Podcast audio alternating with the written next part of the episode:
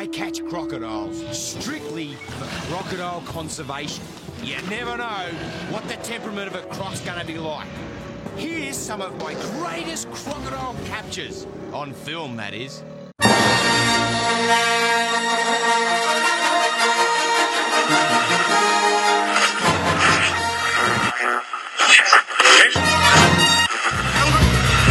Det här är Rebellradion. Vi pratar allting Star Wars. Star Wars-pratradio när det är som bäst. Välkomna!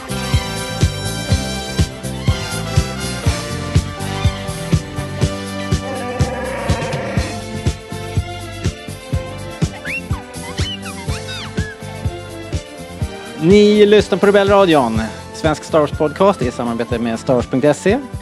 Och eh, idag samlas vi igen för att prata om Obi-Wan Kenobi, del 2. Och eh, med mig idag så har jag eh, som vanligt, eh, eller ja, en, inte alls som vanligt, men Linus är här. Du, du är ju inte här varje gång, men, men ändå ganska ofta. Nästan varje gång. Nästan varje gång. Hej på er. Eh, hej på det! Är läget bra? Ja, för fan. Det är bra här, tror jag. Ja. Ja, Hur är det själv? du är st- eh, Det är bra. Det är bra. Det är bra. Det har varit så här sjukt mycket ett par dagar här. Eh, och eh, så skrev både jag och min fru in så här arbetsplatsträff i kalendern på olika dagar och då gick min hjärna sönder liksom. Då kunde den inte längre sortera veckodagar. Så jag har varit helt dagvill och eh, all planering har gått åt skogen. Men, eh, men i övrigt eh, är det bra. Förutom det Eh, dåliga så- är det bra. Ja. Ja, men det är ingen, det är inget, inget som är dåligt på riktigt liksom. Det är bara lite, det var lite förvirrat. Eh, och sen har vi ju då eh, tagit på oss att bjuda in gäster till de här, till de här Obi-Wan avsnitten. Och idag så har vi bjudit in, eller om man ska vara helt ärlig, då har han ju bjudit in sig själv. Eh, Tobbe från Bland stjärnor och krig våran, eh, ja, någon sorts eh, rivaliserande Star Wars podcast här. Eller hur ska vi, hur ska vi, hur ska vi närma oss det här eh, känsliga ämnet egentligen? Den här elefanten i rummet som vi eh, måste ta tag med nu. Nej men det tycker jag verkligen inte, herregud. Det är ju, eh, det är ju ni som har inspirerat oss här till att starta en. Så att rivaliserande, det är ju nästan, tar jag nästan som en komplimang. Tack så hemskt mycket för att jag får vara med. Jätteroligt att du kan vara med. Och att vi kunde få till scheman och allt vad, ja ni vet hur det är. Superkul. Ehm, eh, och eh, extra härligt att få göra det i ett sånt här sammanhang när vi har ett nytt Star Wars att prata om. Det är ju inte, det är inte riktigt jämnt så, även om det ser ut att kunna bli väldigt mycket mer framöver.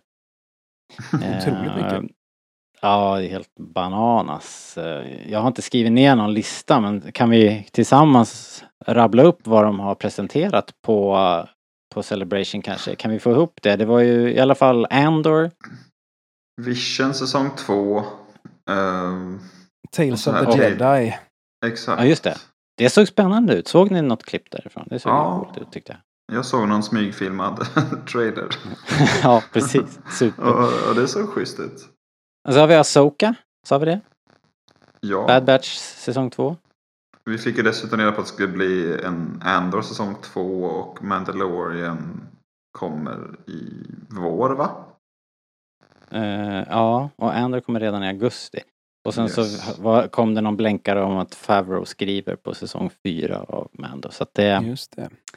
det är inte direkt Star Wars-torka. Och så kanske vi har glömt något här också. Men eh, Säkert. ja. Det är ju, det är ju häftigt. Okej, Okej, men vad kul. Då har vi ju våran panel klar här då. Sa jag att jag var här också? Robert som alltid är här.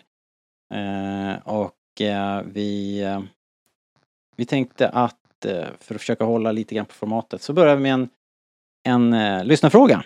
Så här låter den. Is the dark side stronger? But how am I to know the good side from the bad? But tell me why I can't. No, no, there is no why. Answer my question! Help you again? Yes? Mm. Lyssnarfrågan från Henrik Lucarilla.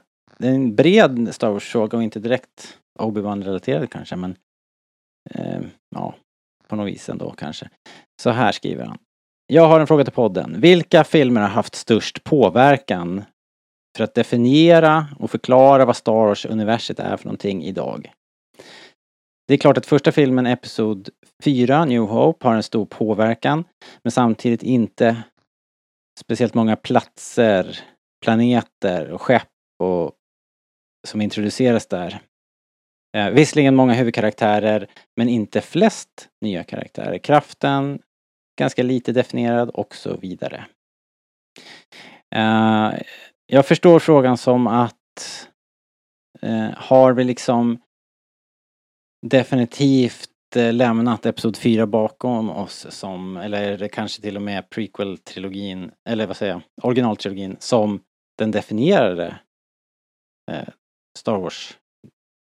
Och även nu liksom någon helt annanstans. Vad tror ni?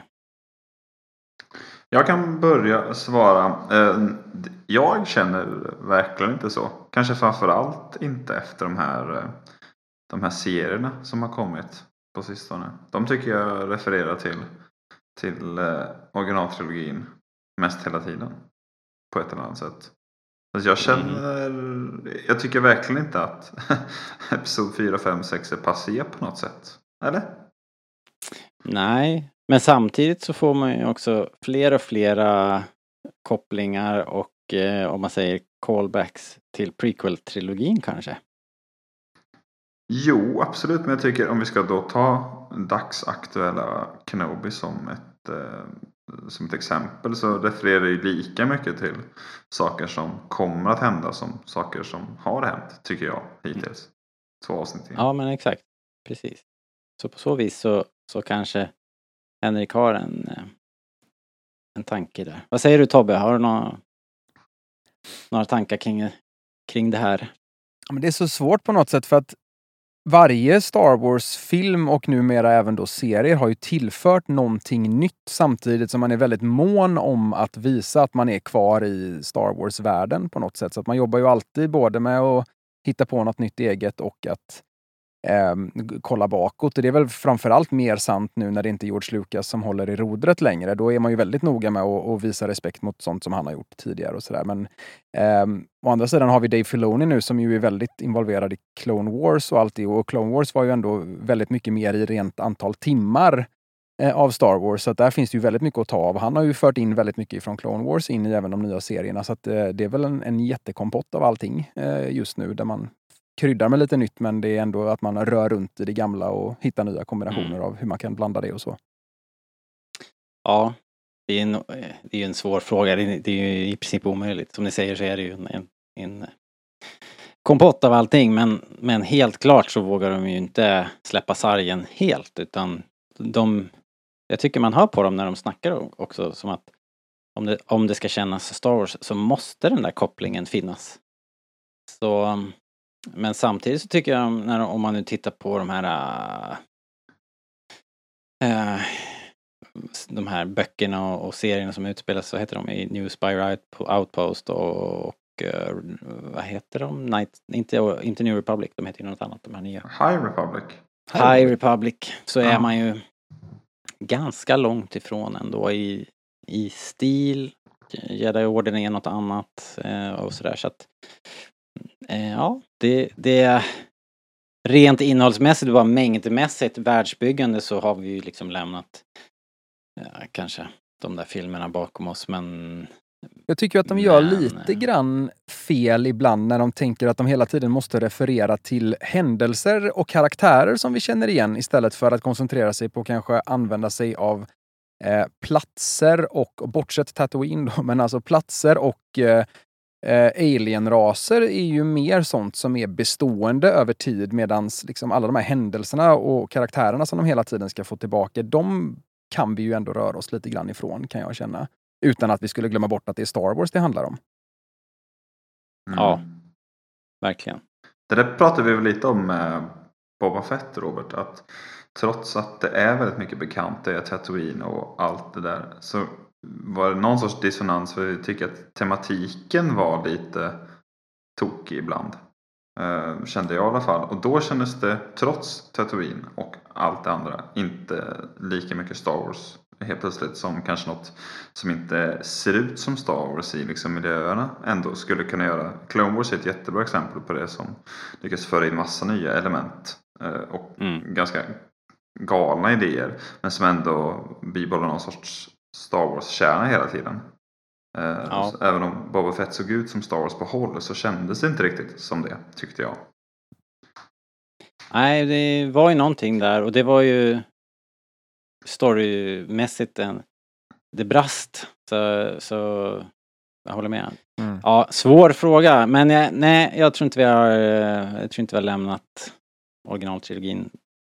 Eh, Den är fortfarande liksom den eh, stadiga grund som det här, som det här bygget vilar på. Alright hörni, men ska vi gå vidare och snacka om Obi-Wan del 2 kanske? Är ni beredda? Yes. Ja. Let's go! It's been ten years. The Jedi are all but extinct. Stay hidden. The key to hunting Jedi is patience. Obi-Wan Kenobi, two episode premiere streaming Friday, only on Disney Plus. Obi-Wan del 2. Ehm, som sist då så tänker jag att vi behöver inte bry oss om någon kronologi utan vi kan, vi kan göra eh, bara hugga de scenerna som, eh, som känns viktiga, de karaktärerna som vi vill prata om i, i vilken ordning vi vill egentligen. Men eh, jag tänkte föreslå i alla fall att vi eh, kanske börjar med Obi-Wan och att han landar på den här nya planeten. Eh, som jag är säker på att jag skrev ner vad det hette någonstans. Dai. Dai. Daiju, precis. Eh, att eh, han kommer dit otroligt tafatt och vilsen. Eh, så det fortsätter ju liksom. Den, eh, det, det, de fortsätter att hamra in det budskapet om att han är lite, lite vilse eh, i, i den här världen. Det är nästan som att han har eh, du vet, suttit på kåken och kommit ut. Eller så. Och världen har runt om honom har förändrats så mycket så han inte riktigt vet vad han ska ta vägen och för, hur han ska föra sig. Ehm, Men jag har en fråga. Är Daio en ny planet? Det kändes bekant, namnet på något sätt. Men sen glömde jag kolla upp det och nu sitter vi och spelar in. Men eh, jag kan Ja, ingenting jag känner igen i alla fall. Men ingenting känner igen? Okej. Nej, jag Inte har inte hört talas om den tidigare. Nej. Hmm, då kanske jag hittar Ja. på det. Ninja-googlar du lite grann så kan Tobbe Ja, och, och pra, börja prata om den här eh, filuren, eh, den här fake jedin. Eh, Mm. Haja Elstri, Estri hette han kanske. Um, jag vet inte, det var, jag tyckte att det var ett roligt grepp. Det var ju som självklart att någon skulle försöka casha in på på lite, lite magic tricks. Eh, eh. Jag tyckte faktiskt att det var en väldigt rolig premiss. Sen vet jag inte om det om det liksom höll i, i slutändan och hur roligt det där var men men ehm, vad tyckte Exakt du Tobbe om... eh, Ja, sorry. Fortsätt du att ninja-googla. Nej, det, den var ny. Fan. Men... Ja. ehm, nej, jag tänkte bara säga att jag tycker så. Det var en ganska rolig grej. Ehm, men jag tyckte inte att det var så kul eh, utfört liksom. Nej, Okej. Nej. Tobbe då? Nej, men jag tyckte faktiskt att det funkade riktigt bra. Jag, jag gillar hur det här bygger på vad Han Solo säger i, i A New Hope, att det är a lot of simple tricks and nonsense det här med att han inte tror på jedis. För att han Mm. kan ju mycket väl ha sprungit på några sådana här skojare under sina dagar. Eh, och då vet ju han mycket väl om att säga, ja men jedis, det finns det de som utger sig för att vara, men det är bara magneter och remote control. Så Ja. att jag, jag gillar att det ändå liksom bygger på, eh, för att prata om att inte eh, originaltrilogin på något sätt är utspelad, liksom, att, att även det här kan bygga på Eh, och definiera om någonting som vi har sett och är så vana vid tidigare. Eh, sen tycker jag han är grymt spelad. Jag tycker att han är en ganska trovärdig typ av bedragare. Liksom. Jag kan förstå varför det här skulle blossa upp i, i eh, liksom, imperiets första dagar när jedin inte finns längre och folk gör väl vad som helst för att få tag på credits och så vidare. Så att det, och dessutom så han visar ju sig vara en, en ganska så spännande prick när allt kommer omkring med vad han gör sen. Och man är ju lite så osäker på var hans eh, allegiances ligger någonstans och vem är det egentligen han skickar Obi-Wan och Leia till och liksom, vad har han för Ja. större roll i det hela. Så jag tycker han är Ja men väldigt rolig. precis, han gör ju en, till synes en kovändning liksom. Eh, men å andra sidan, så som du säger, vi vet ju inte alls vart de, man skickar dem någonstans. Så, så det är ju, de skulle ju lika gärna kunna hamna i, i någon ny liksom slavkoloni någonstans. Ja men verkligen. Eh, så det blir spännande att se här nu. Och just idén om att Ehm. någon kan vara en bedragare och lite lurig utan att för den saken skulle vara en ond karaktär. Utan jag menar, han, han hjälper ju ändå den här Mm. mamman och barnet, vad vi tror i alla fall, då, eller vad han själv säger. Alltså, även om han lurar av dem krediterna så, så kommer de faktiskt iväg. Eh, Ja. Så det, ja, det är många bottnar i det. Ja, jag må- jag måste nog ändå eh, flagga för att han är en, en eh, han, han är inte en god människa. han är en jäkel alltså och utnyttjar de svagaste och eh, på ett riktigt fult sätt. Så att jag hade nog eh, gärna sett att han, han eh, liksom fick sina så här, fiskar varma. Men eh, vi, vi, vi, har väl inte, vi har väl inte sett det sista av honom kanske. Eh, för han ö, vänta nu, han överlever väl den där konfrontationen med, Ja. med Riva? Ja. Ja, precis. Av någon Eh, jävla anledning. Ja, ja men just det, men hon, ja just det, hon eh, hon eh, rädd, eh, gjorde ju sitt jedi mind trick på honom där. Hans, Ja. ro, hans, hans jedi mind trick var ju, var ju bättre. det var ju väldigt roligt måste jag säga. Snacka om att han tog i från tårna. Eh, Ja. eh, Ja, verkligen. Nej, det var kul. Och sen så Ben eh, kommentar bara My my, that light sure is unforgiving. Ja, alltså, hur bra spelar inte Johan McGregor den här rollen? Alltså, han gör ju, han har ju the time of his life. Helt fantastiskt. ja. ja, verkligen. Såg ni att han eh, är um, executive producer? Ja, Ja. det såg Eh, jag. ty, Eller, tyckte det jag var lite kul. Okej, ja, det, det bara var något som jag såg i eftertexten här. Det tyckte jag var intressant. Eh, för då har man väl ändå lite mer att säga till om, tänker jag. Att man får komma med lite input och forma karaktären och sådär kanske. Ja, det får, väl, får man väl utgå ifrån. Jag Jag tyckte, jag, jag tycker han spelar väldigt bra mot den här lilla tjejen vars namn jag har glömt bort för tillfället. Eh, Leia, såklart. Mm. De, jag tycker de hittar varandra väldigt bra. Faktiskt. Ja, Det Ja. är ju lite eh, hjärtat hittills i berättelsen såklart. Och jag tycker det funkar väldigt bra. Hade, hade de inte spelat så bra ihop och funkat bra ihop hade det inte varit så, så bra som jag faktiskt tycker att serien är så här två avsnitt in som den är. Jag Nej. med. Tobbe, ja precis. Tobbe var, den här scenerna som följer då när, när han hittar ju faktiskt Leia ganska, ganska kvickt. Eh, och det följer en förtroendekris där. där Leia får för sig då att, eller ja egentligen har hon ju rätt. Hon är ju väldigt klarsynt. Det, det har jag också en fråga om sen men är det, är det liksom ehm, eh, blir det spännande eh, undrar jag i det där läget. Vi, vi, min son Jakob som är med och poddar här, han påpekar liksom att det blir lite, lite av pre prequel problematiken här att man har en jakt där två karaktärer är inblandade som vi vet har en väldigt lång framtid framför sig. Så att det är ingen som kommer att trilla ner och dö här. Um, hade man kunnat lägga de där fem minuterna på något annat eller har den här jakten någon funktion liksom? Eh, rent narrativt. Jag tycker väl egentligen inte att någon måste vara under hot om att dö för att det ska bli spännande på något sätt. För att här handlar det om en, alltså det som jag satt och var mest spänd över, det var ju så här hur mycket kommer de faktiskt att interagera med varandra? För att det har ju enorm påverkan på hur vi ser A New Hope återigen.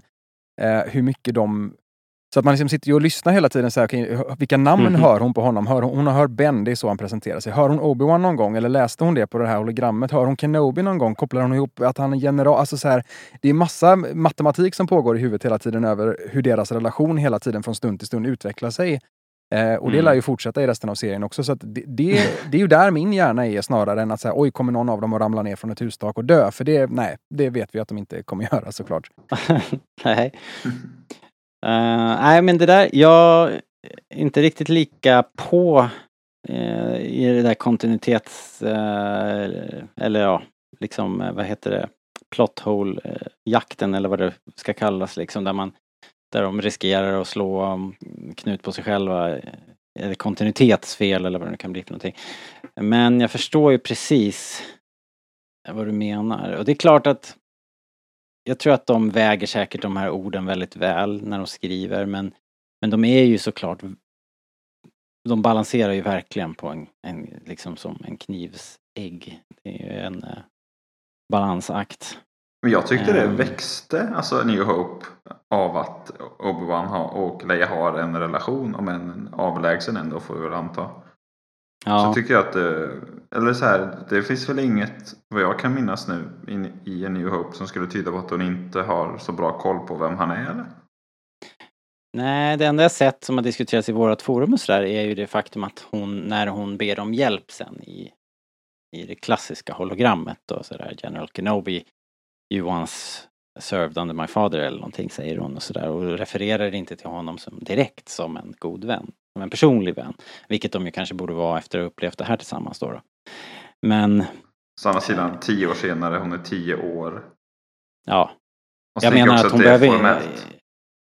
Ja, och jag tänker också att man behöver inte ha glömt bort det för att inte referera till det i just den där telefonsamtalet. Nej, jag tycker det funkar Men, ändå, eh. Vi har sett, eh, vi har sett värre rätt i så fall, tänker jag. Svar ja. Ja, men ja, det har vi absolut gjort. Och jag, jag är väl också någonstans där att det är inte nödvändigtvis så att jag letar efter plot holes, utan det är väl mer så här hur, hur kan det ställa vissa scener i en New Hope i en ny dager? Och det kan ju absolut också vara Mm. positivt. Liksom. Det är ju någonting av, av det jag hoppas på att den här serien ska kunna göra, så är det ju att ställa saker och ting i New Hope i ett nytt ljus eh, på ett Mm. bra sätt. Och det är jag ändå öppen för att de kommer att göra. Så att, eh, Mm. och jag menar, de, Visst de är känslan är att vi är där nu, eller hur? Man känner det nu. I alla fall. De kan ju fortfarande fucka upp det naturligtvis, men jag tycker att det känns positivt nu. Jag tycker att det... Det här är väl den liksom historien och den berättelse som man vill ska fylla hålet. Så att det känns väldigt bra så här långt liksom. Ehm. Och de är nog väldigt noga för det, med det själva också. Alltså de, de inser ju att de är inne på helig mark och, och trampar såklart när det är grejer som direkt Ja. påverkar en New Hope. Så att det, det är ju inga misstag som har begåtts här, utan precis som du sa förut, de har ju vägt varenda ord på guldvåg och, och allting som görs Ja. här är ju nog, noga uträknat såklart. Så jag, jag litar på att de har en tanke med det mesta Mm. av detta. Då spelar jag den här uh, Uno-kortet med dubbla pilar och så bara Boba Fett. Säger jag bara. Ja. ja, fan det kan gå. Eh, jag tycker Leia är rolig också. Hon har mycket rolig eh, dialog så här. Hon, hon, hon liksom är väldigt sassy och så här. Ja, vad, är- vad är armén? det hade gått mycket lättare om du hade tagit med en armé. Så här, du ser lite gammal och uppsliten ut liksom. Så här. Man förstår ju att de verkligen maybe. försöker De försöker göra om den här walking carpet You're better than I thought grejen liksom. Se hon var, hon Mm. är alltid sån här. Jag tycker det, fun- det är en av få saker jag tyckte funkar sådär. För att Visst, det är inte ett jättetungt eh, drama vi kollar på. Det är liksom en actionäventyrsgrej om, om Ja. rymdtrollkarlar. Liksom.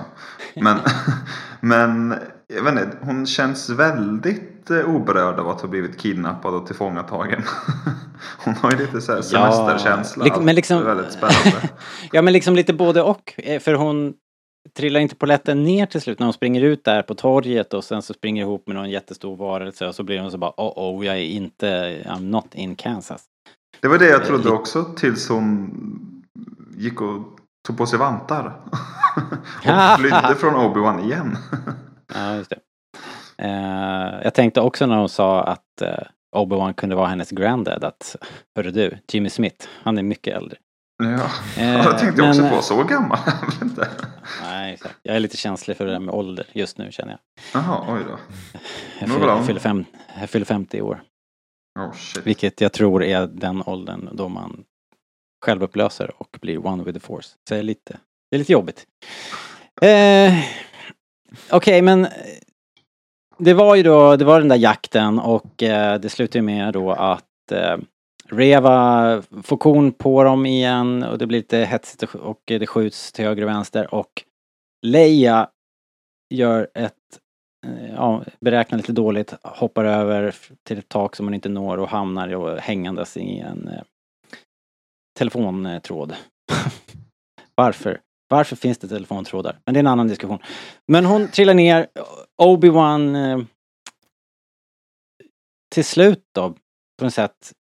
Han, han, ah, det här då. Han, han, det, det är ju här som att han, som att han liksom eh, bryter igenom sin egen mur och liksom och kom, kommer fram och blir, ta, plockar fram kraften. Men nu när jag säger det så säger jag, han, han gjorde ju en grej inne i labbet. Han kokade ju vatten där eller någon, någon, drog på någon eh, gasbrännare eller något så att det exploderade där. Det, det var ju också en kraftgrej när jag tänker efter. Eh, Men visst spelas det lite som att just vid fallet där att det är en Det är ju såklart en större ansträngning tydligen. Men jag tänkte nu att det där vart ju lite bakifrån. Jag tolkade det definitivt som att han har inte använt kraften alls förrän det Mm. ögonblicket. Att han, precis som du säger, han har liksom varit avskärmad på samma sätt som Luke är i, i Last Jedi egentligen. Liksom att Ja. Där är ögonblicket då han bryter fram den igen. Och jag reagerade också på det andra gången jag såg avsnittet att vad är det han gör där inne i labbet egentligen? Är det någonting han grejer med? Och det, det är lite oklart. Det skulle kunna vara att han gör någonting eh, att han kanske ser att Mm. någonting börjar koka och han tänker den där skulle jag kunna kasta ner i marken och så skapar jag mig en divergence här. Men, men eh, ja, det, det, är lite, det är lite oklart. Ah. Jag tolkar det inte så. Jag tolkar det som att han har använt kraften tidigare. Han pratar väl med, försöker ju prata Fy med. fan Linus, du ska alltid vara tvärt emot hela tiden. Ja, någon måste ju fan vara det. Men eh, jag antar då att det är Qui-Gon. Det skulle väl kunna vara Yoda också. Men han ber ju om hjälp när han använder, använder på Dio. Ja, just det. Eh, Ja, just det. Så Precis. att jag tolkar det inte som att han är liksom Luke avskärmad. Eh, utan mer som att shit nu, eh, nu måste jag använda kraften. Han har ju försökt att inte göra det innan för att inte avslöja sig. Typ när han slogs i, i Ja. korridoren där. Eh, och Just så det. vidare. Men Ja, det han kanske- kanske, gör ett kanske- jedi mind trick där. De klipper så här, var är flickan? Och så klipper de. Då tänkte jag, ah, gjorde han Mm. det?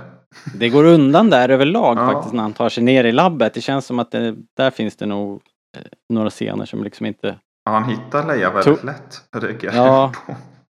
Eh, Och första gången jag såg det så, så blinkade jag och missade hur han kom in i labbet och fick tag på de här kläderna. Så jag bara, helt plötsligt bara var vi där och jag fattade ingenting. Det är ett väldigt märkligt Men, eh, klipp där. Eh, som, ja, det, fattas ett, nog eh, någonting där, eh, helt klart. Ja, en, någon liten scen kanske. Något som är klippt runt känns det som. Mm. Eh, ja, eh, ska vi se. Vad är det mer man vill eh, nämna där då? då? Nej, Jag tänkte bara fråga er. Det känd, eller det var ganska tydligt aviserat vad som skulle hända tyckte jag. När Leia bad om att få sväva innan. Så tänkte jag, ah shit, här kommer det. Ah, okej. alltså, så smart är inte jag förstås. Jag och min brorsa såg, eh, såg det ihop. Vi bara, ja. Här, här kommer det. Eh, ja. Eh, det var ju lite grann så här upp och ner på taket också. Tyckte jag också var lite hattigt klippt kanske. Men, så, så det var inte riktigt det där sköna flowet. Eh, om man ska gnälla lite grann. Men, men vi kanske inte behöver vi kanske Behöver inte behöver hänga, eh, behö, nej, kanske inte behöver hänga upp oss på det. Vad jag skulle säga bara, innan vi lämnar, om vi, om vi ska prata om något annat än Leia, så var just det här att hon framstår som så otroligt eh, i förra avsnittet så hade vi ju hela den här grejen när hon läxar upp sin kusin och sen här Mm. också, hon är ju väldigt liksom, hon är ju inte bara brådmogen utan hon, hon är ju väldigt intagande på något sätt och kan analysera sin omvärld på ett och, Kenobi frågar ju också, du beter dig inte som en tioåring, hur gammal är du egentligen? Så att jag, så, ja, så jag undrar om det är, är det deras sätt att berätta att det här är hennes eh, kraftkänslighet som gör sig påmind att hon, att det här är hennes superkraft liksom. Att hon, och det är det som gör sen att hon blir så jävla bra på det hon gör. Att hon, hon kan liksom läsa på och kanske också i viss mån påverka hearts and minds på något sätt liksom. Är det det, är det, det vi ser? Vad tror ni om det? Ja, kanske. Ja, det, så kan det också. Jag har mer läst det lite som att hon är någon sorts blandning av Anakin och Padme. Liksom, alltså hon har liksom Padmes ledargrejer men också Anakins jag gör det själv eh, attityd liksom. Men det är klart att man skulle kunna tolka det så också. Mm. Ja, Jag är nog också inne på att det snarare har att göra med alltså dels då generna ifrån Anakin och Padme men också uppfostran ifrån uh, Bale och liksom kungahuset på Alderaan. Och jag, jag tänker att spontant skulle det inte ta ifrån vilken fantastisk karaktär Leia är om det visar sig att hon har kraften att tacka för det snarare än sin egen agency på något sätt. Ja, lite grann kanske. Mm. Men eh, ja, är man superhjälte så är man. Då får man ju använda alla, alla verktyg i verktygslådan. Ehm, yes, ska vi prata lite om Riva kanske? Vi får ju en del insikter. Eh, hon eh, fortsätter ju köra sitt eget race. Hon har ju orkestrerat hela den här kidnappningen. Hela, hela setupen, försöker lura ut Obi-Wan. Eh, det uppstod en rätt lång konversation på vårt forum här där Hanna som är med och poddar här ställde frågor som fick en att fundera lite grann på eh, kopplingen.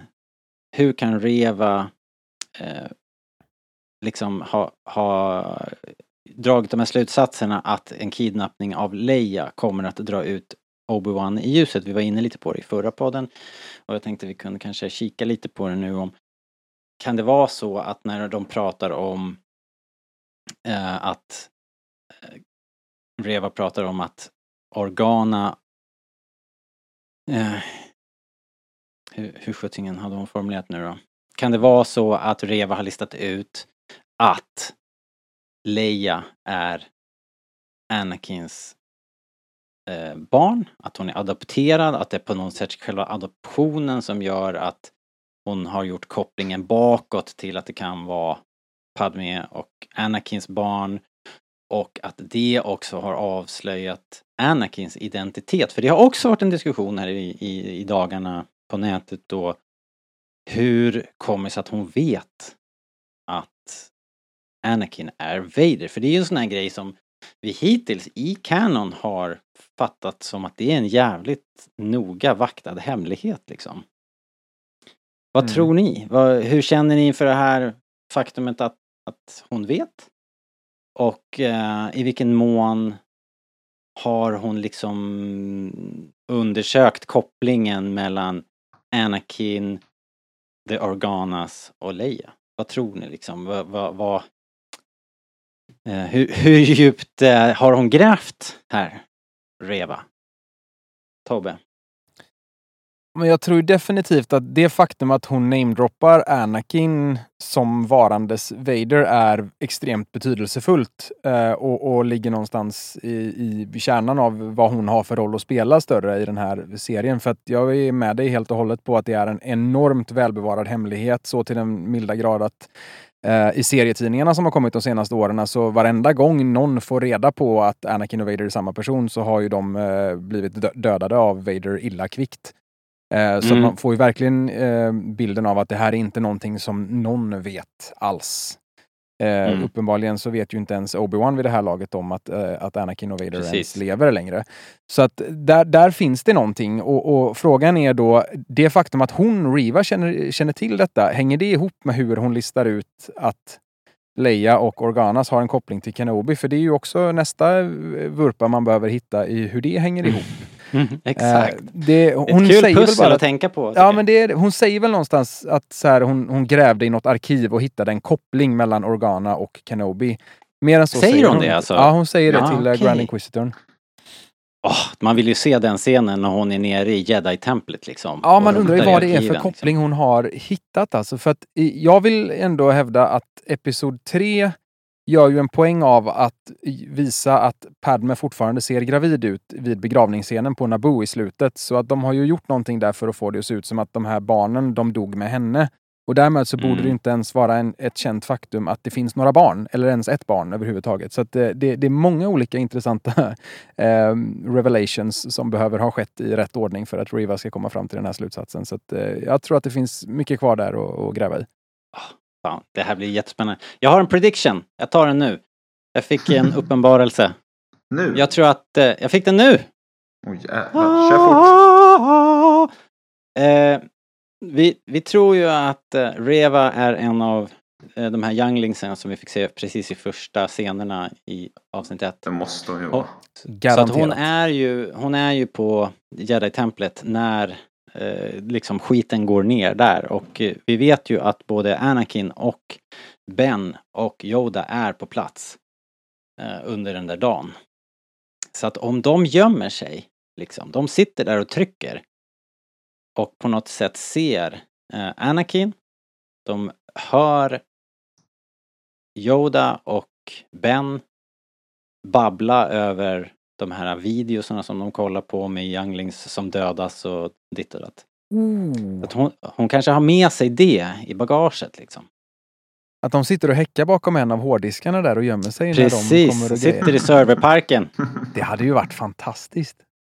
Ja, det kan, Mm. jag, det, kan jag, det kan jag leva med. Absolut. ja, vi får se. Superspännande. Jag är också Eh. inne på att man åtminstone kommer att eh, återkomma till den där flashbacken någon gång. Jag tror att vi har Ja. sett halva den liksom. Det tror jag också. Garanterat. Annars blir jag nästan ledsen faktiskt. En fråga som jag har till er på, på det ämnet. Eh, jag funderade på den här bilden som eh, tele, telegraferas ut på Daio på Obi-Wan. Är det en bild som vi med säkerhet vet är från inspelningen av Return of the Jedi, eller Revenge of the Sith menar jag, eller skulle det kunna vara så att de visar oss helt öppet en bild på en eh, nyligen tagen Ewan McGregor sminkad som eh, Revenge of the Sith Obi-Wan och vi tänker inte ens på det för att vi är så vana vid att det var så han såg ut. Nej men det där är en gammal bild. Jag har sett den förut någonstans. Det är så. Är jag rätt jävla På säker på. På väggen hemma hos dig. Ja det kanske är där. Nej men den är jag rätt säker på att jag har sett någonstans innan. Eh, Det hade varit jag väldigt tror- kaxigt av dem om de, eh, om de eh, teasade det utan att vi ens liksom vet om det. För att vi tänker att det är Ja. Tänk- ja, men jag tror faktiskt att jag har sett den. Jag undrar om inte det är någon egentligen från början är någon marknadsföringsbild som de har photoshopat eh, bort lite grejer på. Mm. Det finns säkert någon som har letat fram den här bilden någonstans. Du får använda den där Google-roboten och, och bildsöka. Ja, typ. Eh, Okej, ehm, vi måste ju nu då, vi måste ta oss till den stora, eh, liksom den stora, the big Finalen. showdown, finalen uppe på den helautomatiska eh, fraktterminalen där då Obi-Wan och Leia ska eh, ta ett skepp till eh, okänd destination. Men eh, Reva hinner ikapp. Det blir en sorts katt och där och det enda som stoppar Reva är The Grand Inquisitor. Världens tystaste Grand Inquisitor. Jävel på att smyga. Japp. Eh, och det där slutade ju dåligt för The Grand Inquisitor. Det var ju lite en, eh, en oväntad twist får man ändå säga. Hon kör ljussabeln rakt i magen på honom. Han eh, faller till synes då ned och A million voices cried out. Är det här ett kontinuitetsbrott? För vi har ju liksom blivit eh, ledda att tro att den här Grand Inquisitor är samma Grand Inquisitor som vi ser i Rebels och då eh, uppenbarligen är ju han i livet senare i tidslinjen. Så att, vad tror ni, hur, hur lappar de ihop det här? Lite snabbt och lätt till, eh, till imorgon. Mm. Alltså. Först tänkte jag när jag såg det första gången så tänkte jag okej det är väl någon annan jävel då som är med i Rebels. Som ser likadan ut. Eh, och så tänkte jag nej men det, han, han dog nog inte. Men så såg jag det igen idag. Mm. Och då vi, känns det som att de tydligt vill visa att han faktiskt är död. Ungefär som de gjorde med Snoke. Vi, vi får Mm. se hans lik eh, ordentligt. Och, och rör sig inte Men alls. hängde, men hängde tungan ut? Nej. Jag vet Nej, inte hur de har det med tungor, hans ras, utav powerna eller om de är power. Nej, det är klart. Det kan ju vara en sån begränsning. Nej, och nu blir, så då kanske jag ändå lutar åt att det är en annan tjomme som är med i Rebels. För han ser ju väldigt död ut och det är inte så att ambulansen är på väg heller, får man inte känslan av eller? Nej, troligen inte. Tobbe, har du någon favoritidé här? Jag får väl välja det, det tråkiga alternativet och säga att det, det kommer förmodligen att ha sin fullt naturliga förklaring i, i nästa avsnitt. Jag, jag tror inte att han är död. Jag är tämligen övertygad om att det är samma Grand Inquisitor som vi får se i Rebels. Att, att nästa person som blir utnämnd till Grand Inquisitor skulle vara inte bara en av, av samma eh, alien-ras utan dessutom då vara så porträttlik som han ändå är. Eh, känns, de oddsen är, är inte jättebra. Eh, sådär. Det är ingenting jag skulle betta på.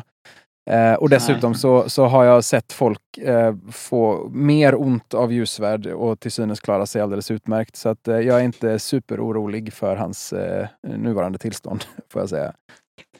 Nej, jag håller med där faktiskt. Han, man dör ju inte av ljussablar eh, om inte manuset kräver det. Liksom.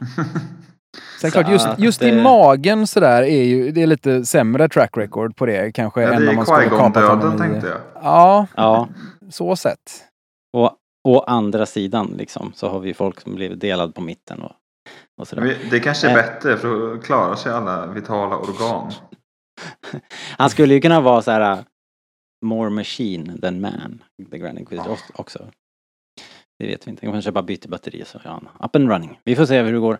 Jag tror inte han är död. Jag tror, men däremot så tror jag att Reva tror att han är död.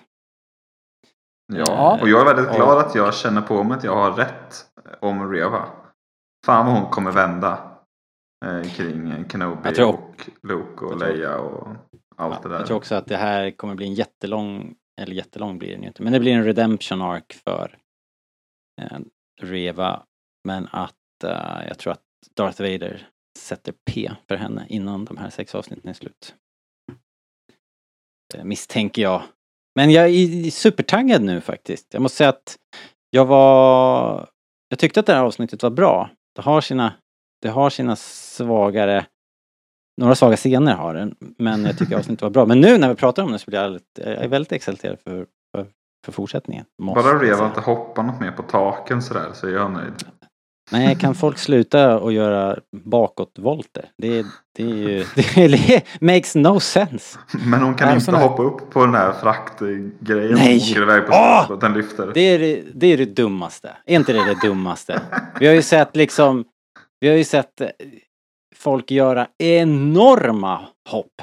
Liksom med kraften. Det känns också som att de verkligen vill visa, kolla här, hon är jättebra på att hoppa. Och sen så bara, nej jag orkar trött, trött just nu. Han hade laddat ur all hopp i det laget. Ja, Ja, det var så här, precis. Det var nere på Hoppometern det. var nere. Hoppa nere på rött. Damn! Jävla De skulle sparat några flips. Men är det någon som gillar det där? Tobbe? Gillar du när de hoppar på tak sådär? Jag är Parkour. lite allergisk. Ja, nej, alltså jag, jag, jag är inget fan av sån här Crouching Tiger, Hidden Dragon, sån här uppenbart, eh, eller Matrix, det här eh, där man liksom, de kunde lika gärna haft kvar eh, vajrarna de hänger i, i bild för vi vet att de är där och jag, det har liksom Ja. aldrig varit ett grepp som har funnits i Star Wars tidigare och jag, jag i- inget fan av det och jag tycker att så som det här var gjort, det var, eh, nja. Ja, alltså, men vad fan kommer det ifrån? Är det superhjälteinfluenserna som sipprar in? Eller jag fattar inte. Nej. Nej, jag vet inte heller. Och det, och det här hade, var inte så här superbra gjort heller. Det hade liksom ingen Nej. riktigt flow så att... Eh, Det var lite såhär Batman Animated Series snedstreck Casino Royale liksom. Eh, vilka märkliga referenser du har. du då? Ja. Vad är det du brukar köra? Han, han snubben som har tyst dynamit. Eller vad fan det var du kom dragandes med en gång. Pratar om speed nu igen. Nej, du, du- snackade om någon som hade dynamit som var tyst eller något. Och så idiotförklarade mig för att jag inte visste vem det var. Så här barnprogram Aga, om 74 eller Agaton. Agaton Sax. Ja. Ja, shit. Vilken eh, deep cut. Eh, jag måste bara nämna, jag ser att jag har gjort ett litet hjärta här. Satin-referensen som kom, var inte det väldigt mysigt ändå? Är det inte en Padmé-referens? Va? Det är 100% Padme. Det är inte så. Ja, det, det måste ju Jaha. vara Padmé. Jaha, jag är klar för att det är hennes dotter såklart. Okej, fair Fast enough. jag tänkte fair också enough. så här, fast motargument, jag tror inte att det är satin Robert, men motargumentet skulle kunna vara, han sa ju a leader. Eh, Ja. Jag trodde de skulle throwbacka, så när jag såg det första gången så tänkte jag, ja nu säger han eh, senator. För de hade ju pratat om det, hon och Bale, i avsnittet innan. Och så kommer Mm. de säga, åh, inte du också, jag vill inte vara senator. Men de gjorde inte det. Så då blev jag lite så här, hmm, det kanske var Mm. satin ändå. Men jag står ändå fast vid att det är Padmé. Eh, Ja, det är rimligare. Ni har ju rätt. Det är rimligt. ja. Alright hörni. Um, är det något annat ni vill eh, Ja, det är ta tag i? Ja, få höra. Eh, Jag, till skillnad från dig Robert, så tycker jag ju om barnskådisar och barn i Star Wars. Inte för att det finns jättemånga, men det finns några stycken. Jag tycker att det borde vara fler. men Ja. eh, de har inte jätteväl anpassat plotten efter det liksom. Ingen kan fånga eller springa i kapp Leia. En tioåring. Eh, Jag menar, man kanske inte ska ha så här jaktscener med en tioåring. Det blev lite så här kling och klang. Det var kanske Ja, ännu mer det i första avsnittet. Men nu så här, Obi-Wan typ. Han slog ner tre, fyra stycken. Men och så han Leia precis smita förbi honom. Så här, det såg väldigt dumt ut. Eh, så Men det tänker jag att det fanns en, jag eh, Jag tänker att det finns en poäng med det. För jag, i första avsnittet när de sprang i skogen så var det väldigt märkligt hur det var filmat. Men i det, i det här fallet så är det väl också att Obi-Wan hade ju kunnat hinna ikapp henne om han verkligen hade velat. Men då hade han ju riskerat att väldigt många mer människor runt omkring skulle lägga märke till honom. Så han försöker ju att så enormt diskret och smygigt som möjligt jaga henne. Och det är väl någonstans det som kan vara den förlåtande faktorn i det då. Jag håller delvis med, men det finns en, det finns en bild som är, ser väl, verkligen ut som en så här barnprogram när de är väl typ mitt på torget där och det, jag tror det är jag kommer inte ihåg om det är efter han har skjutit dem där precis. Och så liksom ser vi precis hur hon smiter undan honom. Han når liksom inte med armen och det ser väldigt pajigt ut. Men Ja. eh, annars så tycker jag att hon är väldigt bra. Vad kul med en bra barnskådis. Ja, jag håller med. Jag tycker hon är bra. Det var någon som mycket nämnde också att hennes, hennes små outfits är ju små, små uh, hälsningar till Carrie Fishers outfits ja, verkligen. genom hela prequel-trilogin. Har hon inte till och med sådana vantar på sig när de är på Endor som hon tar på sig? Jo, där? och, sen, och hon får ju, och hon, hon har ju en grön parka också Ja. och Ja. handskar. Liksom. Hon, så att hon, eh, hon har ju några sköna outfits där. Väldigt roligt. På tal om barnskådisar, nämnde vi Skeleton Crew förut med Jude Law? Nej, det Nej, just det! Åh, vilken grej ja. Stranger Things in Space. Orimligt taggad. Ja, okej, det kanske det är. Jag tänkte på Lost in Space lite grann. Eh, men hur som helst, ganska spännande upplägg. Ja, Eh, och eh, så tänker jag att George Lucas kommer säkert fixa så här helt automatiserade barnskådisar så att de inte behöver vara riktiga barnskådisar till de spelar in det där. Vi får, vi får se. Eh, ska hade jag en vi... fråga till er också, om det inte blir för Ja. långt Robert. Nej, det är nog OK. Exakt hur liksom forciga är inkvisitorerna? Det tycker jag varit svårt att... Svårt att Ja, avgöra just fan, hittills. det måste vi prata om också. Vad, vad, vad tänkte Hon ni om det? Tobbe, vad tänkte du grejer. om det där? Ja, och vad tänkte ni om det här snacket om att eh, de eh, är på henne liksom, you are the least of us och sådär. Ehm, det hänger väl också ihop med det där liksom. Är det någon sorts force envy? För hon är ju ändå, hon kommer ju från templet då antagligen. Vad tänker du kring det där Tobbe? Är, är de... De snackar ju om att, till, säger inte Obi-Wan till och med att flera av dem var jedis som gick över till mörka sidan? Jo, det går väl i linje med Rebels också. Där får vi väl lite backstory på eh, ink- eh, Grand Inquisitorn, att han var en sån Just här det. Temple Guard. Va? Just Eh, jag är inte helt eh, inläst på vad exakt en Temple Guard är för någonting, men jag tänker att många Jag tror av de dem... säger alltså- vid något tillfälle att de uh, alternerar, att de får, de, alla tar ett sånt där pass emellanåt. Ah. sägs Jag tänkte om det kanske var de som det. inte riktigt eh, pallade att bli knights, så att de fick bli temple guards istället, så att de var lite, lite sämre än vad riktiga knights var. Men, Något sånt Men har alltså- jag för mig att jag har hört förut. Det, det ringer någon ja, men lite så, Hagrid, eh, han fick bli vaktmästare istället. Han fick inte bli en riktig trollkarl. Så. Jag tänker så här, Lite. de som inte kommer in på polishögskolan jobbar som ordningsvakter. Tänkte jag. Nej men jag Ja, det tror i det där avsnittet när, eh, kommer ni ihåg den där Yoda-arken? När han blir satt på sjukstugan under supervision. Mhm. Eh, då Sjukt pratar de avsnitt. om, ja faktiskt. Det var länge sedan jag såg det känner jag. Men eh, då tror jag de pratar om det där just att det kan, det kan i princip vara vem som helst under den där masken. Jaha. Eh, intressant. plot tänker jag. hole. Fuck. Plot hole. Ja, nej men de är ju uppenbarligen eh, väldigt eh, kompetenta med kraften och, och Reva gör ju det här mind-tricket och, och sin eh, märkliga bakåtvolt och allt vad det. För vi vet väl inte om något annat sätt man kan bli inkvisitor förutom att man var en jedi eh, som överlevde på ett eller annat sätt, Order 66. Eh, det kan ju hända att de har Mm. hittat några, alltså några av dem, är med, alltså sitterna har ju alltid lite så här olika eh, förslag på vem som skulle kunna bli deras eh, lärling i händelse av att eh, de antingen Precis. får bli mästare eller att deras nuvarande lärling dör. Så det, det finns ju lite att ta av där, alltså Adventurous och, och så vidare. Men, Lite hangarounds. Ja, men precis. Men jag tänker också att så här, om de plockade många padawans ifrån templet så lär de ju inte ha tränat dem sådär vansinnigt mycket mer än vad de behöver göra. Alltså Vader och kejsaren och vem det nu mer är som har liksom hand om inkvisitorerna är ju eh, säkerligen inte villiga att ge dem alla hemligheter. Så att de har nog egentligen inte med sig mycket mer än det de lärde sig under tiden som de var younglings och, och i någon mån padawans. Så kanske det kan vara faktiskt. Att de liksom mer bara släpper lös dem ute i världen. Och, och, Att de får agera på sina känslor och liksom komma in Ja. i den mörka sidan och så får de plocka lite snabba poäng därifrån men inte så himla mycket skills i övrigt. Liksom. Nej, kanske. Eh, jag tänker att de borde träna på att fånga jedis. Kan man tycka. Men... Eh, och, och det är ju omöjligt att inte det här har berättats. Det måste väl finnas någon bok eller serie som behandlar det här. Jag är inte... Det är kanske den vi kollar på nu. Man vet aldrig vad som händer. Om inte annat så lär de ju Nej. komma nu. Ja, exakt. Ja, Ja. precis. Yes, ja men det var ju en eh, relevant fråga. Då så hörni, vi är klara med den här biten tror jag för idag. Så vi, vi går vidare till Most Lovable Extra. Why do I sense we've picked up another pathetic life form?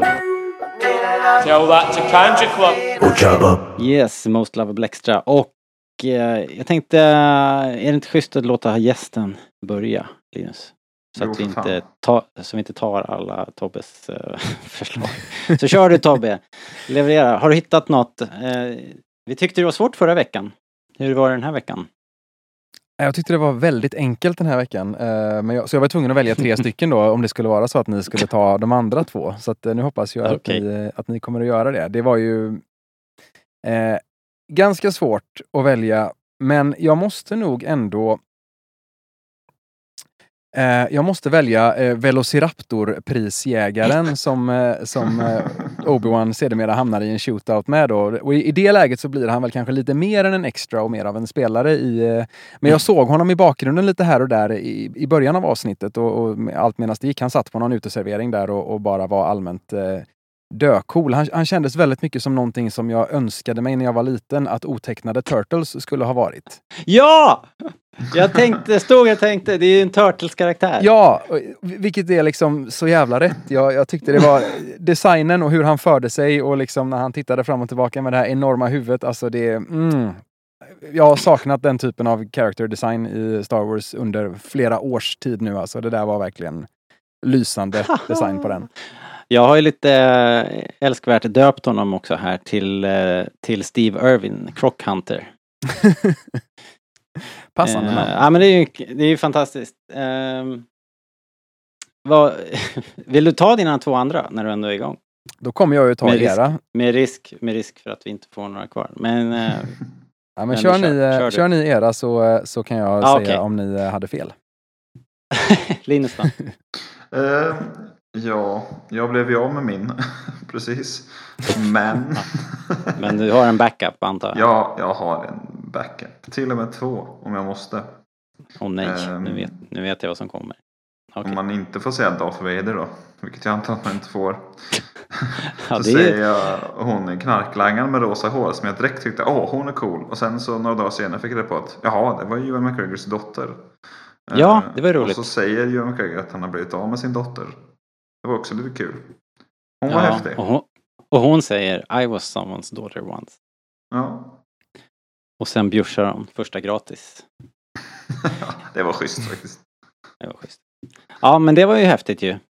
Det var ju bra. Jag, eh, jag tänkte att jag, jag hade ju skrivit upp Crockhunter eh, men så tänkte jag det var lite för, för den kommer ju någon plocka. Men jag tänker faktiskt nominera idag femte brorsan och fjärde systern. För att de är såna pappskallar. De stod ju där och vaktade typ rymdhamnen. Det såg ut som att de var typ fem meter ifrån Obi-Wan och Haja när, när de sköt stackars Forlom-roboten liksom. Ingen hör något, ingen ser något. Vad är det för, vad, vad, är, vad, är, vad är det för gäng liksom? Ah, ja, jag tyckte de, eh, de, eh, de, de betedde sig som extras. Ja, verkligen. Ja, ja. Nej men kul. Vad, hade vi, har vi plockat alla nu då, Tobbe? Eller hade du ytterligare någon? Uh, ja men faktiskt, alltså Esther Rose McGregor hade jag med såklart. Uh, extremt det, kul och att det här är hennes enda cred på IMDB är lite coolt. Så hon är ju uppenbarligen ingen, ingen skådis i övrigt men jag tycker att hon, hon gjorde den rollen alldeles uh, jättetrovärdigt. Alltså fantastiskt bra. Hon brås på sin uh, farsa måste man ju verkligen säga. Eh, men eh, min, eh, min lilla blänkare där går den tredje. Det blir ju Temuera Morrison. Vilken extremt ja. oväntad Snyggt. cameo han gör i den här. Alltså det är av alla olika sätt man har tänkt sig att man kanske kommer att få se honom som en clone trooper någon gång så var det här inte sättet jag hade överst på listan. Fantastiskt kul. Ja, det var roligt. Men Bra. menar jag så tänkte att det kanske är dåligt att inte visa att man är klon? Vad menar du att det är dåligt att, att, att, att det hade varit kan... bättre för honom att, att vara klon? Alltså att du menar att... Nej, att jag bara tänkte att det för... kanske... Jag vet inte, ni kan ju Canon bättre än jag. Men jag tänkte att oj, är inte de eventuellt kanske lite så här fiender till Stormtroopers? Men det är de kanske inte nu. Att de är liksom utbytta. Mm. Men så funkar det ja. kanske inte de byts ut successivt, men i och med Order 66, alltså de har ju alltid tjänat kejsaren, vad, vad vi än kallar eh, statsskicket så att säga. Först republiken och sen imperiet. Och Bad Batch ja. gör väl en ganska stor poäng av att eh, de flesta Clone Troopersarna ändå hakar på och är, är, en del av det. Liksom. Men sen blir de ju uttjänta och det kan ju vara så att de är, jag menar, det finns ju jättemånga olika förklaringar man kan hitta på angående att de är kloner och åldras snabbare, att de kanske blir sjuka och, och um, skröpliga ganska fort. Och jag tror att eh, de bara fasas ut och att ingen bryr sig egentligen om vad som händer med dem efter ett tag. Nej, det är men så det verkar. Vi... Jag bara reagerade först. Jag bara oj, göm din hjälm tänkte jag. Men eh, det gjorde han inte. jag sitter och, och, och ruttnar bort det. Men det är väl en grej i, i Bad Batch. Det här programmet startar väl där, vad det nu hette. Ja. Det själva... Ja. Uh, War Mantle. Nej, det var något annat. Uh, ja, eller var det det? Ja. ja. Det var något om det i alla fall. Något om det. Ja. Okej, okay. men hörni, grymt. Det var det var ett kul avsnitt och det fanns mycket att prata om. Mycket roliga detaljer och ändå inte, som jag sa någonstans, eh, en, en direkt en, eh, liksom bara en, en trött parad av cameos och eh, fanservice och eh, liksom Easter eggs ändå. Jag tycker liksom att det är på rätt nivå. Måste jag säga. Det är inte så att eh, det är inte någon som plockar upp en probe droid och så här håller upp den en sekund mitt i, på bioskärmen och sen kastar den åt sidan. Utan det är, det är lite mera eh, på något sätt organiskt känner jag. Någonting som jag tycker är så himla värt att belysa är alltså, alltså att få in Deborah Chow som är så otroligt duktig på att regissera Eh, människorna, liksom, skådespelarna och få ut känslor ur dialoger och att, man, att det finns lite drama och lite spänning i bara skådespeleriet. Hon hanterar uppenbarligen inte actionsekvenserna lika bra som vissa av de andra regissörerna som har jobbat med Star Wars. Men, hon, men det, jag känner att vi har fått så himla mycket av det i andra sammanhang och det är så skönt att få se riktigt starka och, och, spännande grejer som bara händer mellan karaktärer. Både mellan Obi-Wan och Leia och vi har mellan Obi-Wan och Riva och vi har mellan Riva och Grand Inquisitorn och så har vi han Hadja på ett hörn där som har eh, både bra scener mot Obi-Wan och bra scener mot Riva. Alltså det, det, är väldigt mycket bra skådespeleri och det känner jag att det har jag verkligen saknat. Att få någonting att bara sätta mm. tänderna i, att bry mig om. Yes. Och ärligt talat typ lite bättre skådisar än... Nu har jag ju Boba Fett på, på näthinnan. ja, det Ja, det är, så, det är så himla lätt. Det är så himla lätt att sparka neråt. Och skönt. Nej men hörni, jag tror... ja, det där tar jag avstånd ifrån känner jag. Eh, vi, vi rundar av för idag. Stort tack Tobbe för att du tog dig tid och poddade med oss. Det var jätteroligt. Och vem vet, det kanske blir mer. Tack. Vi, eh, jag kommer att ta mig ner till Göteborgstrakten i höst här så får vi väl se till att träffas där på Ska du till Sankt Jörgen? Ja, precis. Nice. Eh, Echo Base-mässan är större än någonsin kan jag avslöja. Det kommer, tror jag, fem eller sex Star Wars-gäster i år. Oj, vilka då? Uh, och, oh, nu satte du mig på pottkanten. Men det är ju en massa eh, gubbar i mask som det alltid är. Det är ju Nine, nine Numbo och ett helt gäng med eh, liksom Niktos och allt det där liksom. Jabbas uh, vänsterarm. Ja men precis, Jabbas entourage är det. Ska vi förresten, på tal om det, ska vi rekommendera någon panel eller något från Celebration man kan kolla på på nätet som har varit om man ska se en? Det är klart. Om man ska se en? Ifall det är någon ja. som inte har kollat i helgen eller inte pallar se du allt. Som, eh, du som har gjort typ som jag. Kan väl, eh, kan väl rekommendera en Som inte har sett en sekund. Ja, nej, jag... vi kan ju säga det att eh, Anton Grandert som vi pratade med, han var där. Han, vi trodde att han skulle vara på stora stora scenen. Men han hade haft en mindre panel med det kreativa teamet.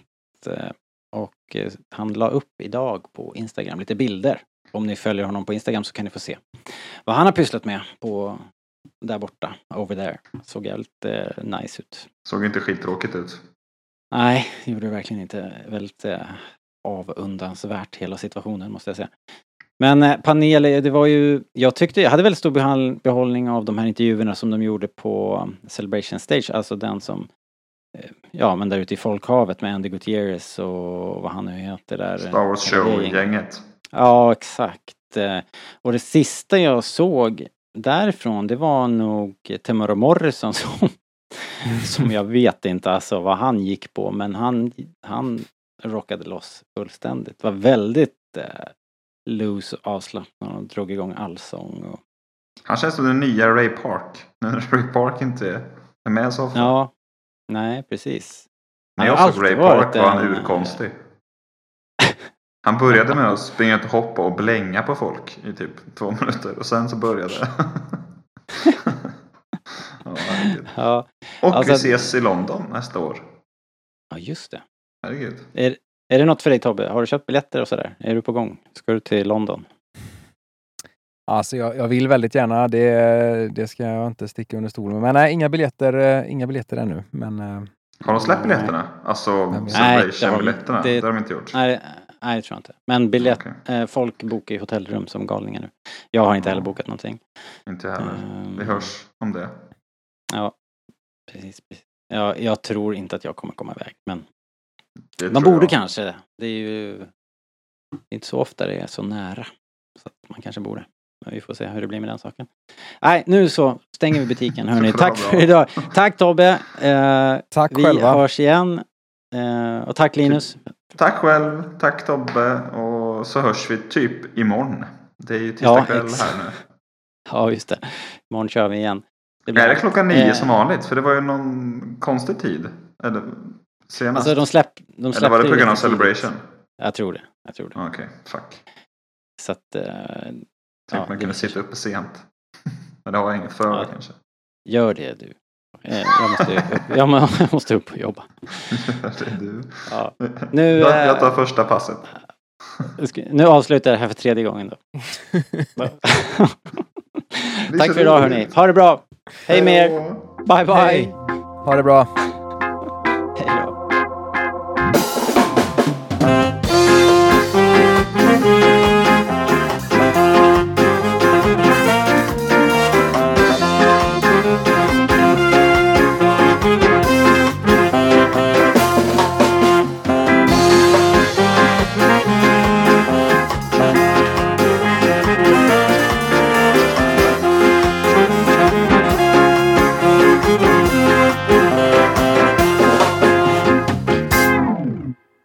Linus. Du är världens sämsta avslutare.